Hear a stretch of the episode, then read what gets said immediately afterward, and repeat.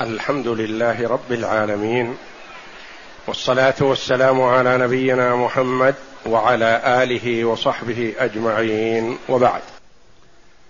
الحديث الحادي والسبعون بعد المئة. عن عبد الله بن زيد بن عاصم المازني رضي الله عنه قال لما أفاء الله على نبيه صلى الله عليه وسلم يوم حنين قسم في الناس وفي المؤلفة قلوبهم ولم يعط الأنصار شيئا فكأنهم وجدوا في أنفسهم إذ لم يصبهم ما أصاب الناس فخطبهم فقال يا معشر الأنصار ألم أجدكم ضلالا فهداكم الله بي؟ وكنتم متفرقين فألفكم الله بي؟ وعالة فأغناكم الله بي؟ كلما قال شيئا قالوا الله ورسوله أمن. قال ما يمنعكم أن تجيبوا رسول الله صلى الله عليه وسلم؟ قالوا الله ورسوله أمن. قال لو شئتم لقلتم جئتنا بكذا وكذا. ألا ترضون أن يذهب الناس بالشاة والبعير وتذهبون بالنبي إلى رحالكم لولا الهجرة لكنت امرأ من الأنصار ولو سلك الأنصار واديا أو شعبا لسلكت وادي الأنصار وشعبها. الأنصار شعار والناس دثار. إنكم ستلقون بعدي أثره فاصبروا حتى تلقوني على الحوض. هذا الحديث حديث عظيم. فيه فوائد عظيمة. اولا قوله لما أفاء الله على نبيه صلى الله عليه وسلم يوم حنين. فاء بمعنى رجع. وهذا المال مال الكفار.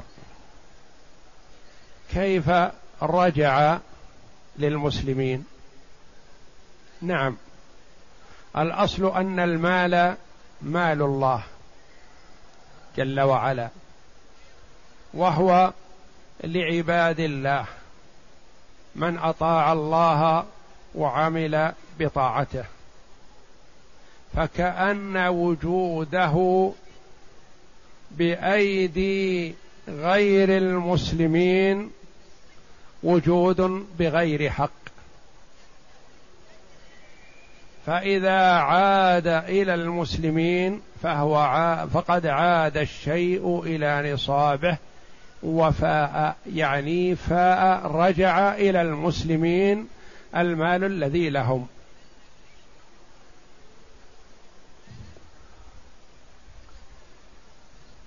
والفيء هو ما يعود إلى المسلمين من أموال الكفار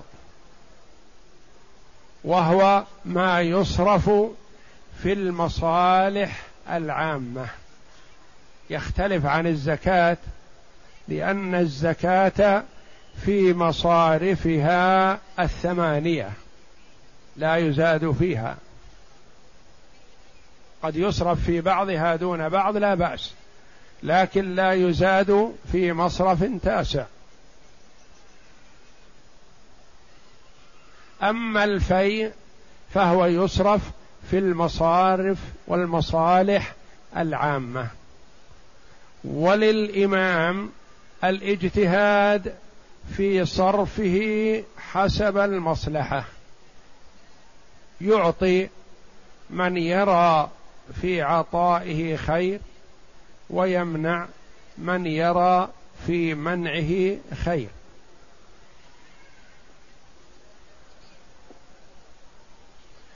لما أفاء الله على نبيه يوم حنين. يوم حنين غزوة حنين قبل غزوة الطائف وحصار الطائف. وذلك لما فتح الله جل وعلا على رسوله مكة في السنة الثامنة من الهجرة في رمضان. في أول شوال توجه النبي صلى الله عليه وسلم إلى ما حول مكة. وكان كفار العرب ينظرون إلى مكة. فيقولون إن اتبعته اتبعت محمد اتبعناه. وإن عارضته تركناه وإياها. تقف في وجهه. فلما فتح الله جل وعلا لرسوله مكة سارع كثير من المشركين إلى الدخول في دين الله سوى بعض الطوائف.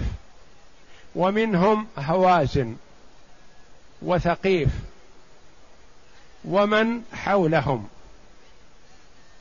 عندهم أنفة وكبرياء وغطرسة ما أذعنوا لما فتح الله جل وعلا لرسوله مكة. علم النبي صلى الله عليه وسلم أنهم تكالبوا واتفقوا على غزو محمد صلى الله عليه وسلم مظهرين أنهم أقوى وأعظم من قريش. فلما علم ذلك صلى الله عليه وسلم تجهز لغزوهم. فخرج معه من جاء معه من المدينة لفتح مكة. وهم عشرة آلاف مقاتل.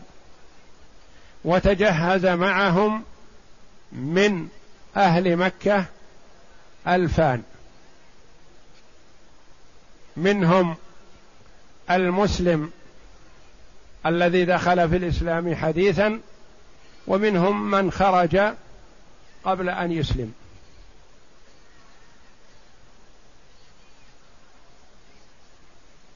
فكانوا اثني عشر ألف مقاتل. وتجهزت هوازن وبعض ثقيف وبعض القبائل التي حولها وتجمع خلق كثير. ولحكمة يريدها الله جل وعلا أعمى الله بصائرهم. فقام زعيمهم مالك للحارث وهو الذي تولى زعامتهم فأمرهم بأن يخرجوا بأموالهم وذراريهم ونسائهم ولا يتركوا خلفهم شيئا.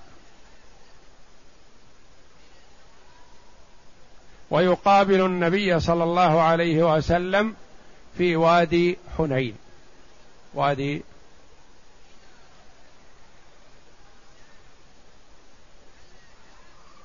فخرجوا وخرج معهم ذو الرأي والقيادة والشجاعة والبسالة منهم إلا أنه شاخ وكبر. دريد ابن الصمة.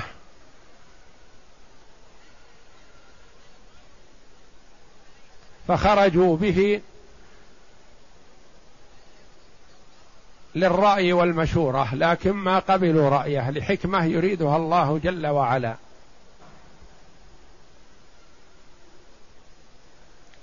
فنزلوا في ذلك الوادي فقال ما هذا الوادي؟ فأخبروه به وكان يعرفه قبل أن يضعف بصره. فقال نعم الوادي. ثم قال ما لي أسمع بكاء الصبي ورغاء البعير وثغاء الشاة. ما هذا؟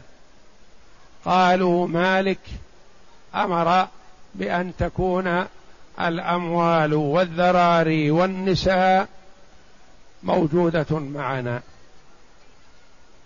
فاستدعاه وقال ما لك يا مالك؟ تعمل هذا العمل. قال أردت الا يكون وراء المرء شيء يقاتل دون نسائه وأطفاله وأمواله يستبسل. فقال ليس هذا برأي. ليس هذا برأي.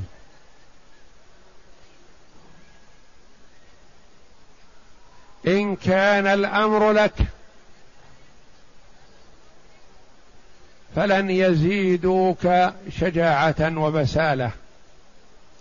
وإن كان الأمر عليك فلن يمنعوا قومك من الفرار. فالفار لا ينظر إلى مال ولا إلى ولد. ليس هذا برأي. حصنهم في مكان حصين بعيد. فإذا رجعت رجعت إليهم.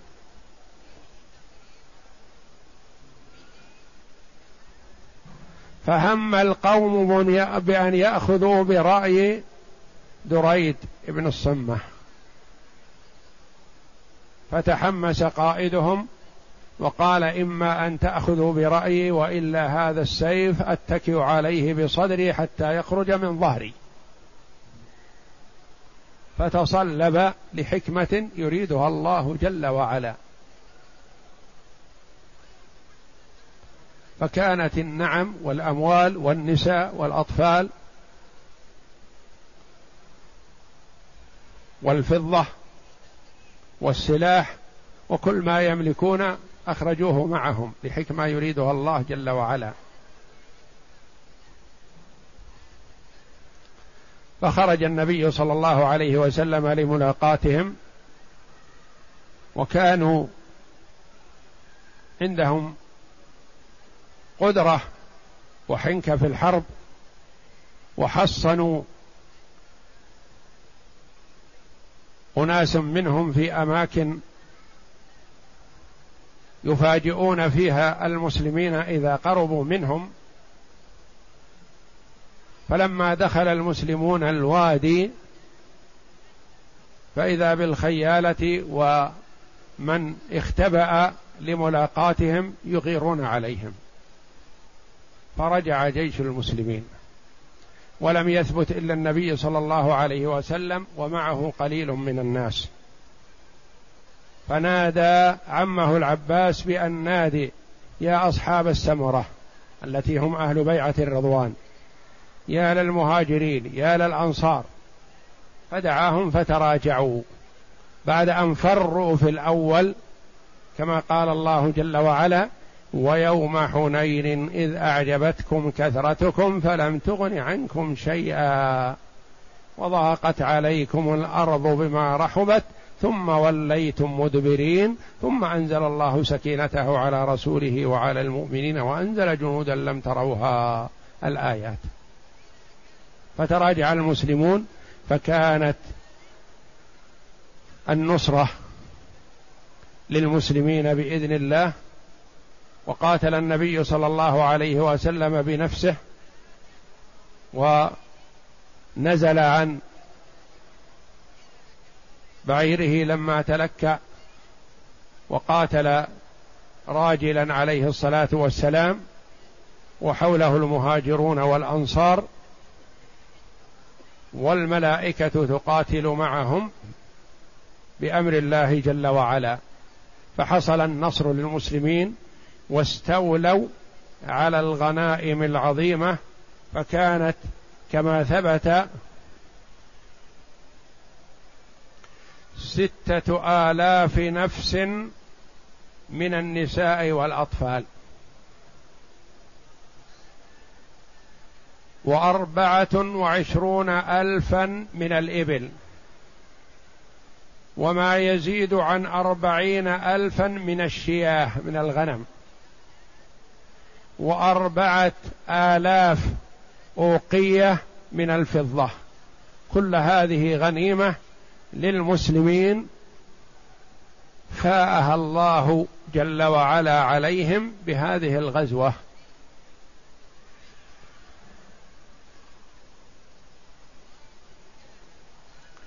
ثم إن النبي صلى الله عليه وسلم أمر بهذه الغنائم العظيمة بأن تجمع في الجعرانة وتبقى ولم يقسم منها صلى الله عليه وسلم شيء مع إلحاح كثير من الأعراب ومن غيرهم في القسمة لكن النبي صلى الله عليه وسلم انتظر.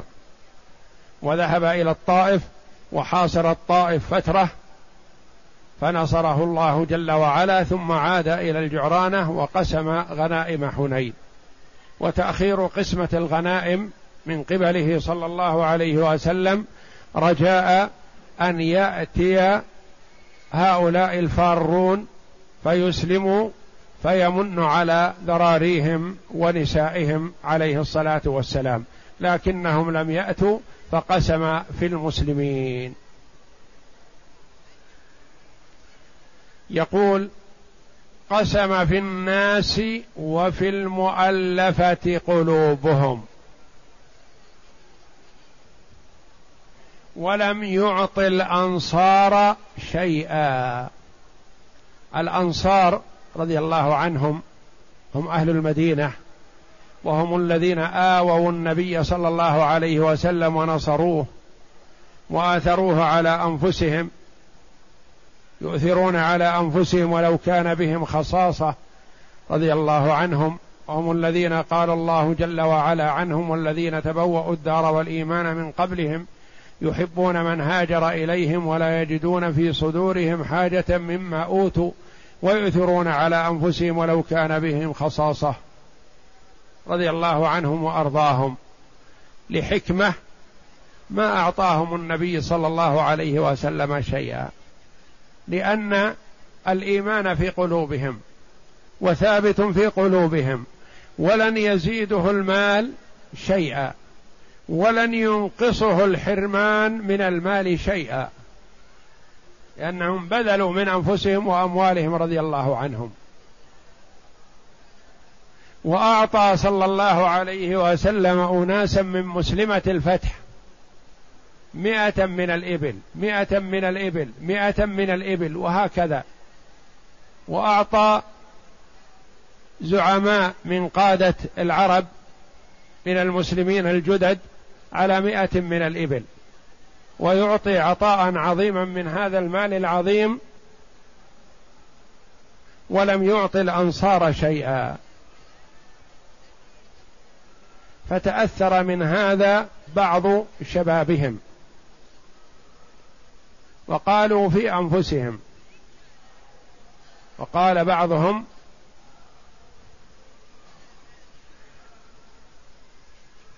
لم تيبس سفون سيوفنا من دمائهم.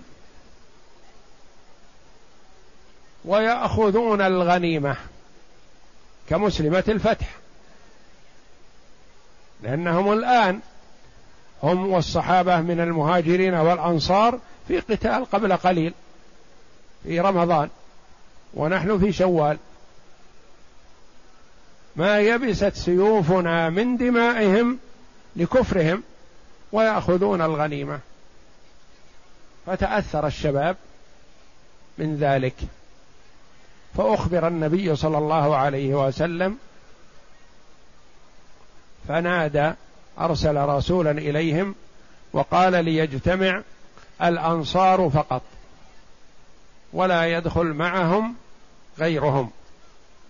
فاجتمعوا في خيمة من أدم فذهب إليهم النبي صلى الله عليه وسلم. وقال معكم غيركم قالوا معنا فلان ابن أختنا. فقال عليه الصلاة والسلام ابن أخت القوم منهم.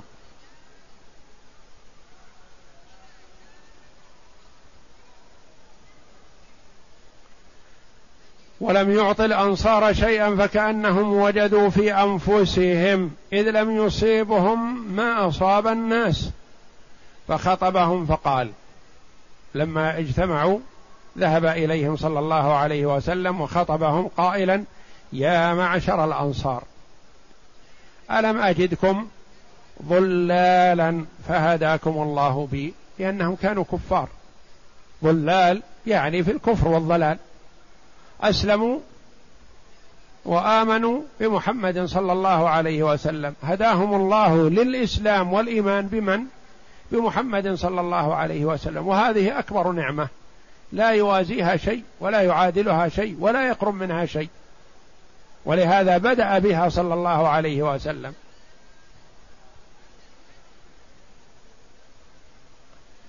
وكنتم متفرقين فألفكم الله بي كانوا متفرقين متناحرين. كانوا متحاربين.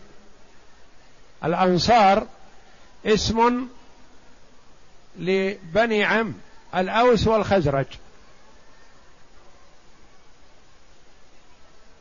قبيلة واحدة الأوس والخزرج. كانوا يتقاتلون ويتناحرون وأعداء ولا يجتمعون على شيء وهم يسكنون في المدينة. واليهود عندهم يثيرون النعرة والحماس فيما بينهم ليشتد قتالهم لينشغلوا عن غيرهم. ومن أقرب أيامهم لأيام قرب الإسلام يوم بعاث كان بين الأوس والخزرج. فكان قتالا عظيما بينهم. ذهب ضحيته عدد من النفوس وهم أولاد عم. فكانوا متناحرين متنافرين وألفهم الله جل وعلا بمحمد صلى الله عليه وسلم كما قال الله جل وعلا لو أنفقت ما في الأرض جميعا ما ألفت بين قلوبهم ولكن الله ألف بينهم.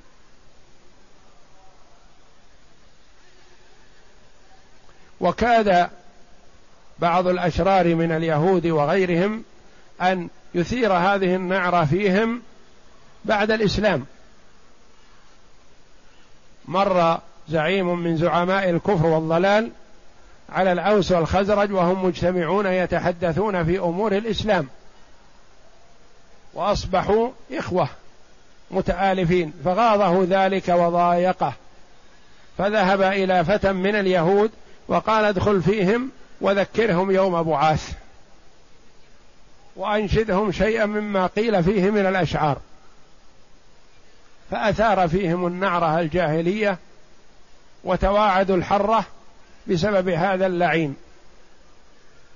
وخرجوا فعلم النبي صلى الله عليه وسلم وخرج إليهم ببعض المهاجرين وهدأهم وسكنهم ودعاهم إلى رمي السلاح فاستغفروا وعرفوا خطأهم رضي الله عنهم وأرضاهم وأن هذه نزغة شيطان أراد أن يثير بينهم العداوة. فالنبي صلى الله عليه وسلم يذكرهم بحالهم قبل مجيئه إليهم. وكنتم متفرقين فألفكم الله بي. وكنتم عالة فأغناكم الله بي. كانت المدينة قرية فقيرة. فبهجرة النبي صلى الله عليه وسلم إليها تحركت الأسواق وتحرك العمل. واغتنوا وحصلوا على خير كثير وحصلوا على مغانم قبل هذا. فأغناهم الله جل وعلا برسول الله صلى الله عليه وسلم. فذكر عليه الصلاة والسلام هذه النعم الثلاث أولها وأعظمها نعمة الإسلام والإيمان ثم نعمة التأليف بين القلوب ثم الغنى والسعة في الدنيا. وهم رضي الله عنهم يقولون الله ورسوله أمن. يعني المنة لله ولرسوله صلى الله عليه وسلم. معترفون بهذا رضي الله عنهم وأرضاهم.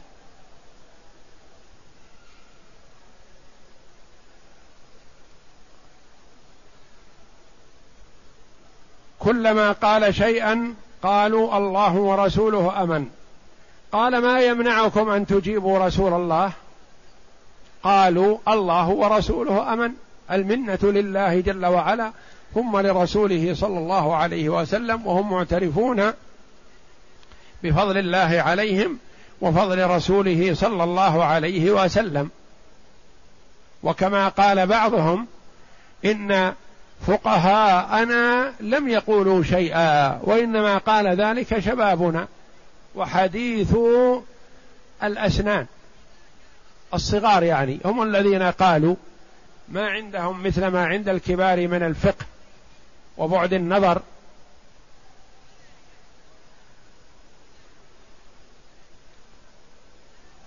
قال لو شئتم لقلتم جئتنا بكذا وكذا. الرسول عليه الصلاة والسلام قال شيء. جئتنا كذا وكذا جئتنا شيء. لكن الراوي ما أحب أن يذكر هذا. قال جئتنا بكذا وكذا وأبهم. ووجد القول الصادر من النبي صلى الله عليه وسلم في روايات أخرى للحديث.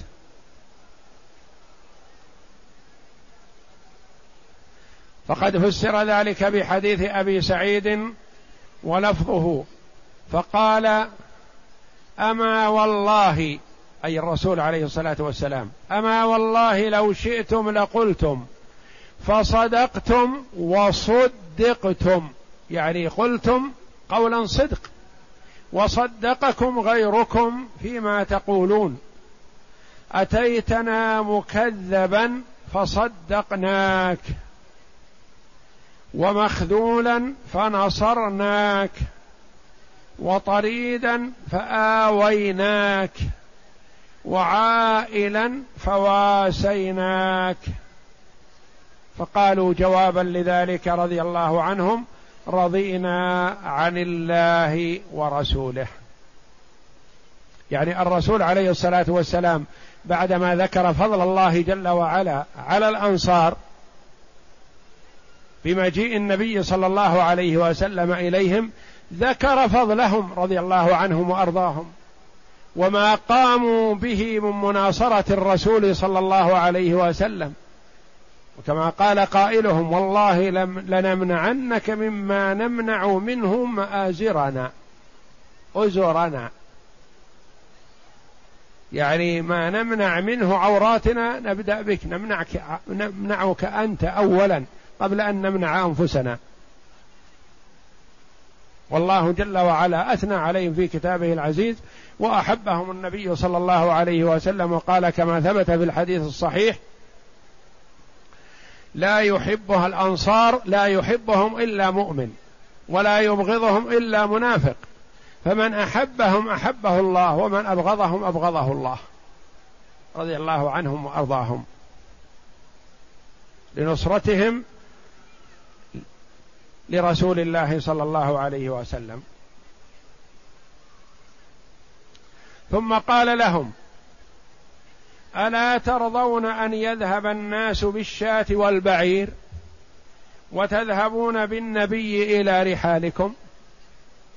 الناس أعطيناهم الشاة والبعير تاليفا لهم لأن إيمانهم ضعيف أو ما فيه إيمان ليوجد الإيمان أو لنتألف من وراءهم أعطيناهم نشتريهم أما أنتم فقلوبكم مؤمنة ليست في حاجة والمال لا يزيدها إيمانا كما أن حرمانكم منه لا ينقص إيمانكم وثوابكم في الدار الآخرة عند الله جل وعلا لا يعدله شيء. وكون الإنسان ما يتعجل شيئا من ثوابه خير له. كما بكى عبد الرحمن بن عوف رضي الله عنه وأرضاه حينما قدم له فطورة وهو صائم رضي الله عنه وكان طعاما شهيا. فلما نظر إليه بكى. رضي الله عنه. لما فتح الله عليه من الدنيا وأعطاه. وقال مات مصعب بن عمير وهو خير مني. فلم نجد ما نكفنه فيه إلا بردة له. إن غطينا رأسه انكشفت رجلاه. وإن غطانا رجليه انكشف رأسه.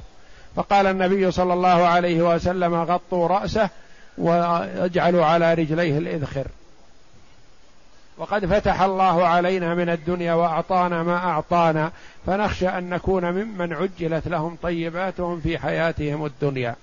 فكانوا يودون أن يدخر لهم ثوابهم في الدار الآخرة خير من الأنصار. يقول أنا واحد منكم. لكني ما أقول أنا من الأنصار فتذهب علي الهجرة. الهجرة ثوابها عظيم لا أتركها أو أتنازل عنها. الهجرة منزلة عظيمة لا أتنازل عنها ولولا هي وتمسكي بها لقلت أنا واحد من الأنصار.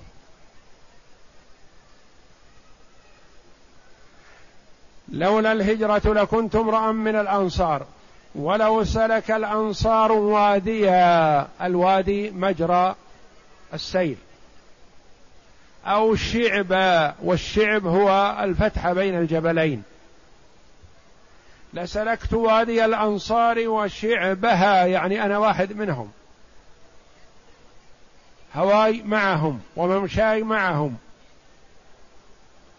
الأنصار شعار والناس دثار. الأنصار شعار. الشعار ما هو؟ هو الثوب الذي يلي الجسد. الإنسان يتخير الثوب اللين الطيب يجعله يلي جسده.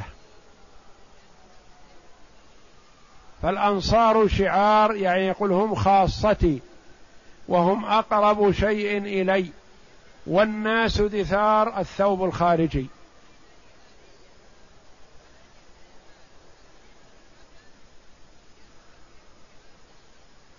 إنكم ستلقون بعدي اثره هذه معجزة من معجزاته صلى الله عليه وسلم. يقول ستلقون بعدي اثره الآثرة هي استئثار بعض الناس بالشيء المشترك. يعني اختصاص المرء بماله لا يقال فيه أثره لأنه اختص بماله. لكن شيء مشترك مثلا بين أمة يختص به مجموعة دون البقية يقال هذا أثره. استأثروا بما هو ليس خاصا لهم. إنكم ستلقون بعدي أثره يعني ستحرمون من شيء تستحقونه. فاصبروا لا تنازعوا ولا تخاصموا. اصبروا حتى تلقوني على الحوض. الوعد قدام. الوعد ورد الحوض. الصابر منكم يجدني هناك. واللي يعدل ويبدل يحرم. فاصبروا حتى تلقوني على الحوض. يقول رواة الحديث وقع ما أخبر به صلى الله عليه وسلم. فهم بعد عصر المه... الخلفاء الراشدين رضي الله عنهم وجدت الأثرة وحرم كثير من الأنصار من كثير من حقوقهم. فمنهم من صبر ومنهم من لم يصبر كما قال أنس بن مالك رضي الله عنه لكنا لم نصبر.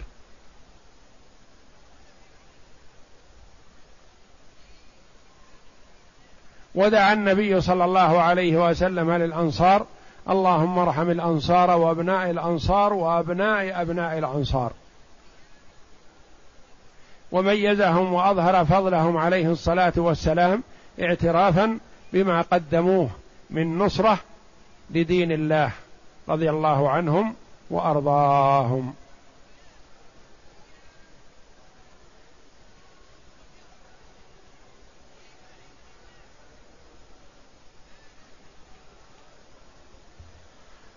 يقول المؤلف رحمه الله حنين واد في طريق مكة الطائف المتجه مع السيل الكبير. وحنين واقع بين الشرائع وقرية الزيمة. يعني هذا هذا هو موقعه. في طريق الطائف السيل لا في طريق الطائف الهدى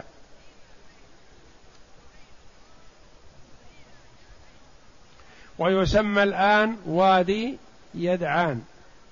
وقد وقعت فيه معركة ضارية بين النبي صلى الله عليه وسلم وهوازن ومعهم ثقيف في شوال من السنة الثامنة من الهجرة ويروى أنه في اليوم الثامن أو السادس من شوال المؤلفة قلوبهم هؤلاء من هم؟ هم قوم يتألفون على الإسلام بإعطائهم من الغنائم أو الصدقات ليتمكن الإسلام من قلوبهم أو لكونهم زعماء ذوي نفوذ وأتباع يسلمون بإسلامهم أو ليدفعوا بجاههم وقوتهم عن الإسلام. فهم المؤلفة قلوبهم إما كافر زعيم قوم يرجى بإسلامه إسلام من معه. وإما مسلم ضعيف الإيمان يرجى بإعطائه قوة إيمانه وإسلامه. وإما لأنه يتبعه أناس كثير بإعطائه شيء من الأموال يدعوهم إلى الإسلام فيسلموا. ولهم نصيب في الزكاة كما قال الله جل وعلا والمؤلفة قلوبهم وفي الرقاب. والمؤلفة قلوبهم كافر لكف شره عن الإسلام والمسلمين. أو رجاء إسلامه. أو مسلم ضعيف الإيمان رجاء قوة إيمانه. أو مسلم متبوع يرجى إسلام من يتبعه.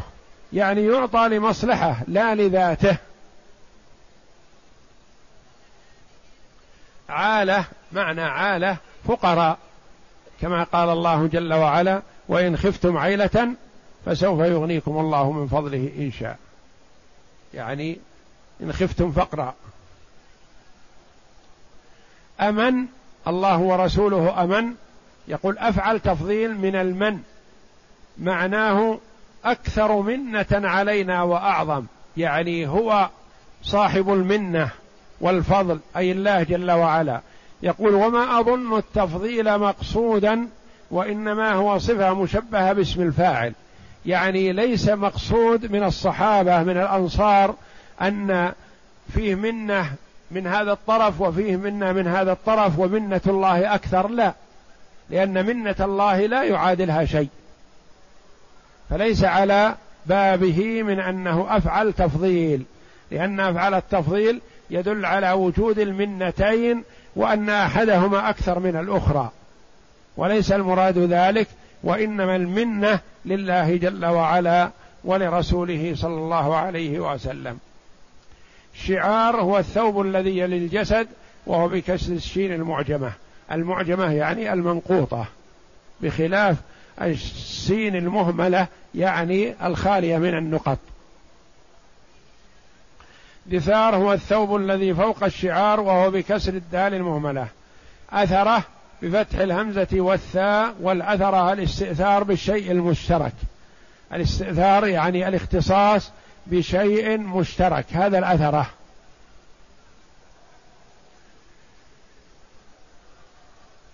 ومعناه أنه سيأتي من يستأثر بالدنيا عنكم. مع حقكم فيها فاصبروا.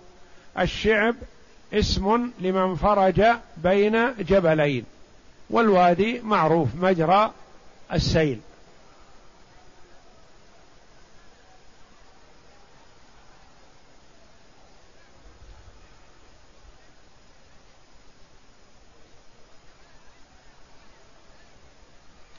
ما يؤخذ من الحديث إعطاء المؤلفة قلوبهم من الغنيمة. بحسب رأي الإمام واجتهاده. يعني قد يعطي الإمام الرجل الكافر من الفيء كما يعطيه من الزكاة. لكن عامة الناس لا يعطون زكاتهم إلى كافر. لأن المؤلفة قلوبهم لا يعطيهم إلا الإمام. عامة الناس عامة المسلمين لا يعطون المؤلفة قلوبهم. وإنما يعطون الإمام لأجل أن يعطيهم. والإمام قد يعطي مؤلف قلبه وهو كافر لأجل يكف شره.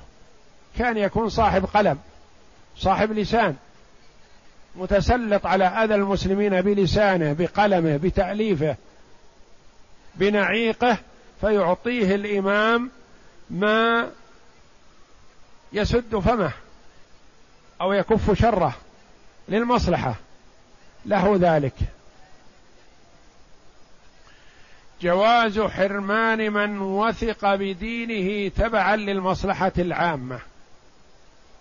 جواز أن يعطي الإمام من الفيء بعض الجهات مثلا. وجهات أخرى من بلاد المسلمين مثلا أو بلدان أو قبائل ما يعطيهم. وليس على سبيل التشهي وإنما للمصلحة لأن في إعطاء أولئك مصلحة تأليف. وحرمان هؤلاء لا يؤثر عليهم في دينهم ولا في إخلاصهم لله ولا في طاعتهم لولي الأمر. وهذا هو الأصل في المسلم والمؤمن أنه لا يؤثر فيه المال. أن المال شيء تافه يزول ويضمحل. وإنما المسلم يتعامل مع إمامه ومع ولي أمره حسب ما ورد في الشرع.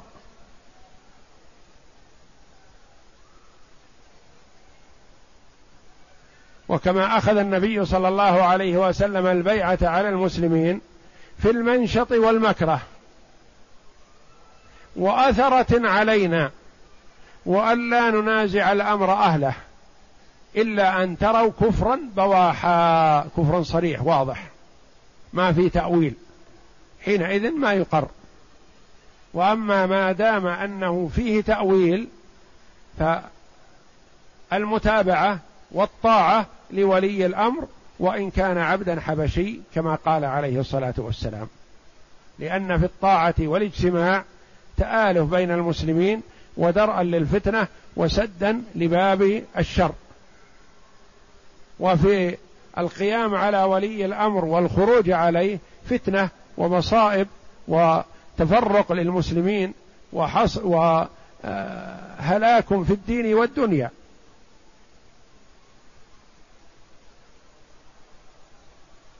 ثالثا أن الراغب أن الراغبة في الأشياء الدنيوية أن الرغبة في الأشياء الدنيوية لا تخل بإيمان الراغب وإخلاصه. نعم. النبي صلى الله عليه وسلم ما لام الأنصار وخاصة شبابهم الذين تحمسوا ورغبوا في أن يعطوا مثل ما أعطي غيرهم وخاصة أنها عطايا جزلة. أعطى النبي صلى الله عليه وسلم رجلا مئة من الإبل فاستزاد فأعطاه مئة ثانية فاستزاد فأعطاه مئة ثالثة. رجل واحد أعطاه ثلاثمائة من الإبل. عطية واحدة.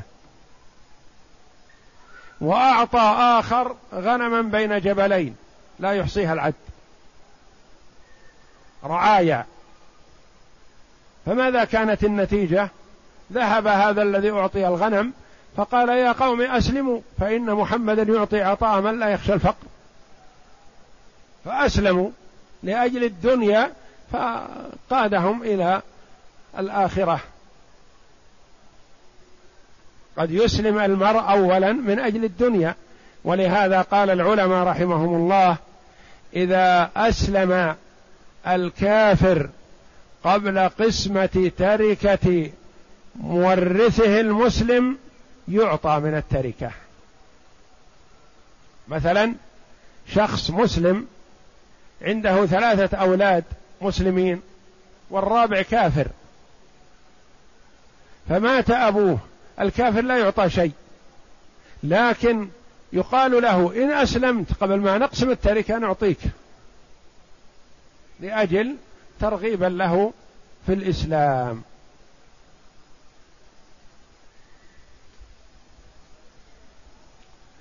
الراغب في الأشياء الدنيوية ما يلام. إذا رغب مع رسوخ إيمانه وقوته. لأن النبي صلى الله عليه وسلم ما لام شباب الأنصار ولا وبخهم. ولا أنبهم على ما قالوا وإنما أراد أن يطمئنهم ويدخل السرور على نفوسهم. ويذكرهم بأشياء ربما يكونوا غفلوا عنها.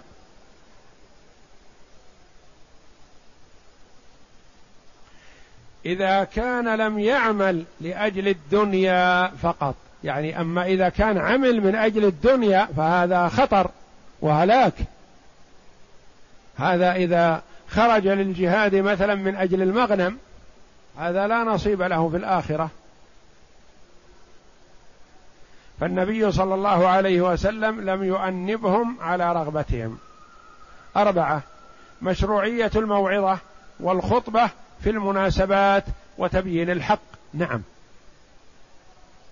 يحسن للإمام وولي الأمر ونائبه مثلا إذا حصل كلام في أمر من الأمور بين محبذ ومعترض ونحو ذلك أن يخطب الناس ويبين لهم حتى لا يوجد في نفوسهم شيء يكون سببا للفرقة والنزاع والخصومة والأخذ والرد. يبين لهم الأمر جلي واضح لامتصاص ما في نفوسهم من ما قد يوجد فيها من حقد أو غيره أو اعتراض. أن القائد والأمير وأصحاب الولايات لا يتصرفون في الشؤون العامة من غير أن يبينوا للرعية مقصدهم.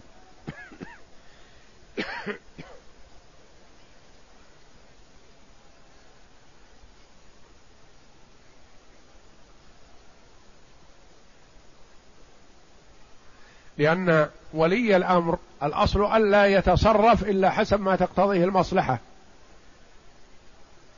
ويبين هذا لأنه في مجال الأسرى. إذا أسر المسلمون رجالا من الكفار قال العلماء رحمهم الله فالإمام مخير بين ثلاثة أمور. إما أن يطلب منهم الفداء وإما أن يقتلهم. وأما إن يعتقهم بدون شيء. وهذه الأمور حسب المصلحة التي تعود إلى الإسلام والمسلمين. أحيانا يكون المرء مثلا ذا مال وممكن أن يبذل اموالا طائلة. والناس في حاجة فيأخذ منه الإمام المال. الملايين من أجل أن يمن عليه. وأحيانا يرى الإمام أن في إراقة دمه إعزاز للإسلام والمسلمين وخذلان للكفار فيريق دمه. وأحيانا يرى أن المصلحة في المن عليه بدون شيء. اذهب كما فعل النبي صلى الله عليه وسلم في ثمامة ابن اثال زعيم اليمامة. أسره جند النبي صلى الله عليه وسلم وجاءوا به فأمر النبي صلى الله عليه وسلم بربطه في المسجد فربط. فكان النبي صلى الله عليه وسلم يرسل له الطعام الذي يشبعه وهو مربوط. ويمر عليه النبي صلى الله عليه وسلم ثلاثة أيام. كل يوم يقول له ما عندك يا ثمامة؟ يعني ألا تشهد أن لا إله إلا الله وأن محمد رسول الله ونطرق سراحك؟ فيقول ثمامة خيرا إن تقتل تقتل ذا دم. يعني مستحق للقتل. وإن تطلب المال فاطلب ما شئت. اطلب لأنه شيخ اليمامة يعطي المال الطائل. وإن تعتق تعتق ذا معرفة يعني ويثمن آه، هذا العتق منك يا محمد وهو لم يسلم أبى كل ثلاثة أيام يتردد عليه النبي صلى الله عليه وسلم ويقول ما وراءك ولا يغير كلامه. فقال النبي صلى الله عليه وسلم أطلقوه فأطلقوه فخرج من المدينة واغتسل وجاء بين يدي النبي صلى الله عليه وسلم يقول أشهد أن لا إله إلا الله وأشهد أن محمد رسول الله. معه نخوة الجاهلية. أبى أن يسلم وهو مربوط. يقول خشية أن يقال عنه إنه أسلم لأنه مربوط وأسير خاف من القتل. فيقول إن تقتل تقتل. تستطيع القتل. وإن تطلب المال اطلب ما شئت. أعطيك. وإن تمنن تمنن على شخص يعترف بفضلك ويقدر لك ذلك. فمن عليه النبي صلى الله عليه وسلم بدون أن يطلب منه تمرة واحدة. فلما أسلم رضي الله عنه استأذن النبي صلى الله عليه وسلم في العمرة لأنه قال إن إن أصحابك أسروني وأنا خارج للعمرة. من اليمامة مشرك وهو مشرك. ومكة كفار. ف دخل مكة وهو مسلم فأراد بعض جهال قريش أن يعترضه لإسلامه فمنعهم عقلاءهم قال هذا يتحكم في البر والشعير والتمر. إن قتلتموه أو آذيتموه منع منا الميرة. فوقف في نادي قريش توعدهم والله لا يصلكم حبة حنطة ولا تمرة من خيرات اليمامة حتى يأذن محمد صلى الله عليه وسلم. رضي الله عنه وأرضاه.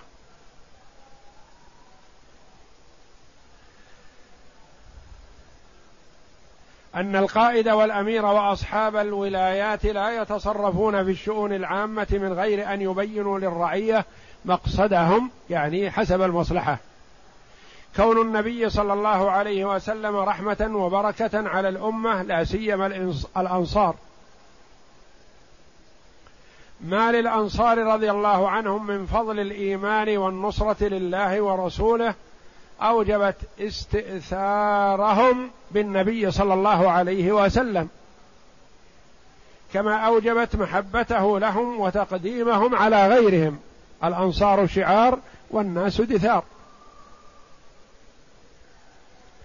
علامة من علامات نبوته صلى الله عليه وسلم فإن ما ذكره مما سيقع على الأنصار وقع.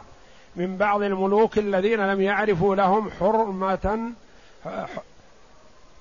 وسابقة يعني آذاهم بعض من تولى بعد ولاية الخلفاء الراشدين رضي الله عنهم وأرضاهم.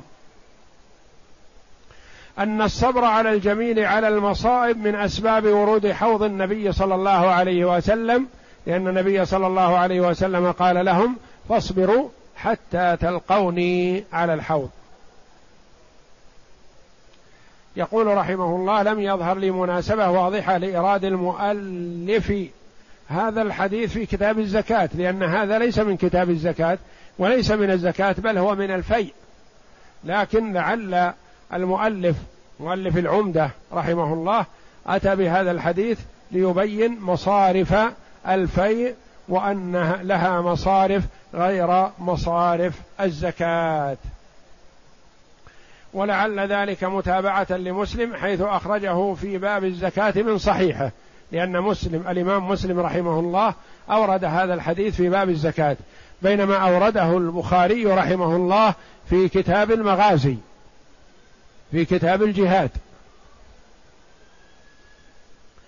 أو لعله أن يبين أراد أن يبين أن النبي صلى الله عليه وسلم في آخر أيام رسالته وبعدما أعز الله الإسلام وقواه أعطى المؤلفة قلوبهم من الغنيمة. يعني أن نصيب المؤلفة قلوبهم يعطى حتى مع عزة الإسلام والمسلمين. لأن بعض المسلمين رحمهم الله يقول بعض العلماء يقول لا يعطى المؤلفة قلوبهم إلا في حال ضعف المسلم والمسلمين. إذا ضعف المسلمون تعطى المؤلفة لكن إذا كان الإسلام قوي ليس في حاجة. قال بهذا جمع من العلماء والمؤلف استدل به على أن إعطاء المؤلفة قلوبهم حتى مع عزة المسلمين. فيقاس على الغنيمة أن يعطوا من الزكاة خلافا لمن يرى من العلماء سقوط نصيبهم من الزكاة بعد أن أعز الله الإسلام كأبي حنيفة وأصحابه رحمهم الله. والصحيح جواز إعطائهم تعليفا لهم إذا دعت الحاجة إلى ذلك وهو المشهور من مذهب الإمام أحمد وهو من مفردات مذهبه يعني إعطاء المؤلفة قلوبهم مع عزة الإسلام والمسلمين للمصلحة. وليس عند المسقطين لسهمهم ما يعارضون به فعل النبي صلى الله عليه وسلم وآية براءة آية الزكاة. في سورة براءة وهي إنما الصدقات للفقراء وهي من آخر ما نزل. التي هي من آخر القرآن نزولا. ثم هذا القسم من النبي صلى الله عليه وسلم اختلفوا فيه. هل هو رأس مال الغنيمة؟ أعطاه النبي صلى الله عليه وسلم للمؤلفة قلوبهم والناس أم هو الخمس فقط؟ قولان للعلماء رحمهم الله.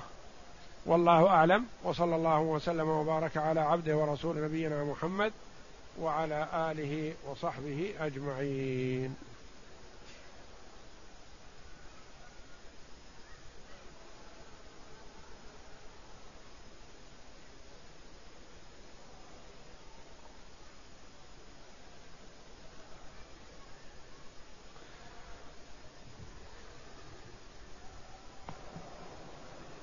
بسم الله. يقول السائل هل يجوز غمض العينان في الصلاة لأجل الخشوع؟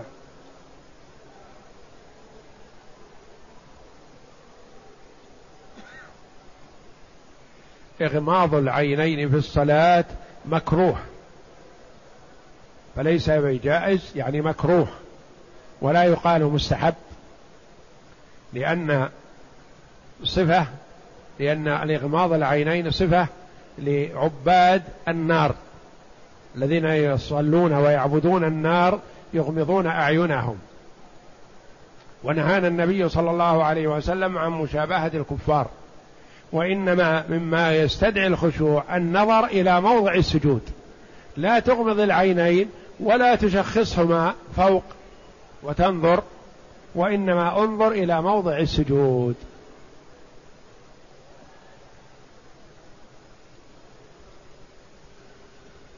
يقول ما حكم الصلاة على المولود الذي نزل من بطن أمه ميتا؟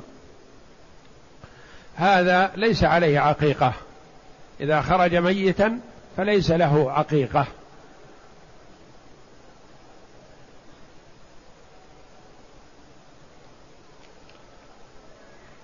يقول السائل ما حكم من نسي عند الصلاة على النبي صلى الله عليه وسلم في التشهد الأخير؟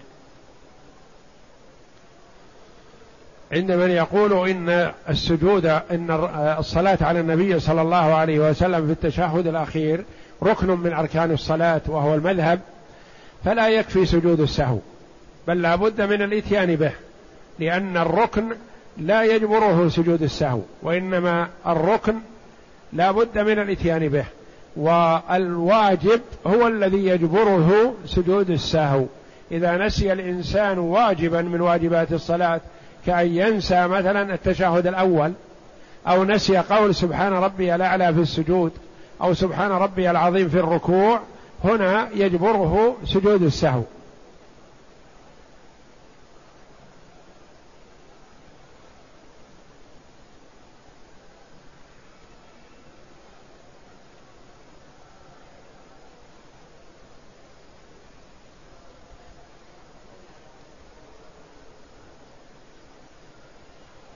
يقول السائل هل يجوز للوالدان هل يجوز للوالد أن يحرم ابن أن يحرم ابنه العاق من الإرث؟ لا لا يجوز هذا. ولو أوصى بهذا فلا تنفذ الوصية. بل يعطى نصيبه من الإرث لأن الميراث الله جل وعلا بذاته تولى توزيعه.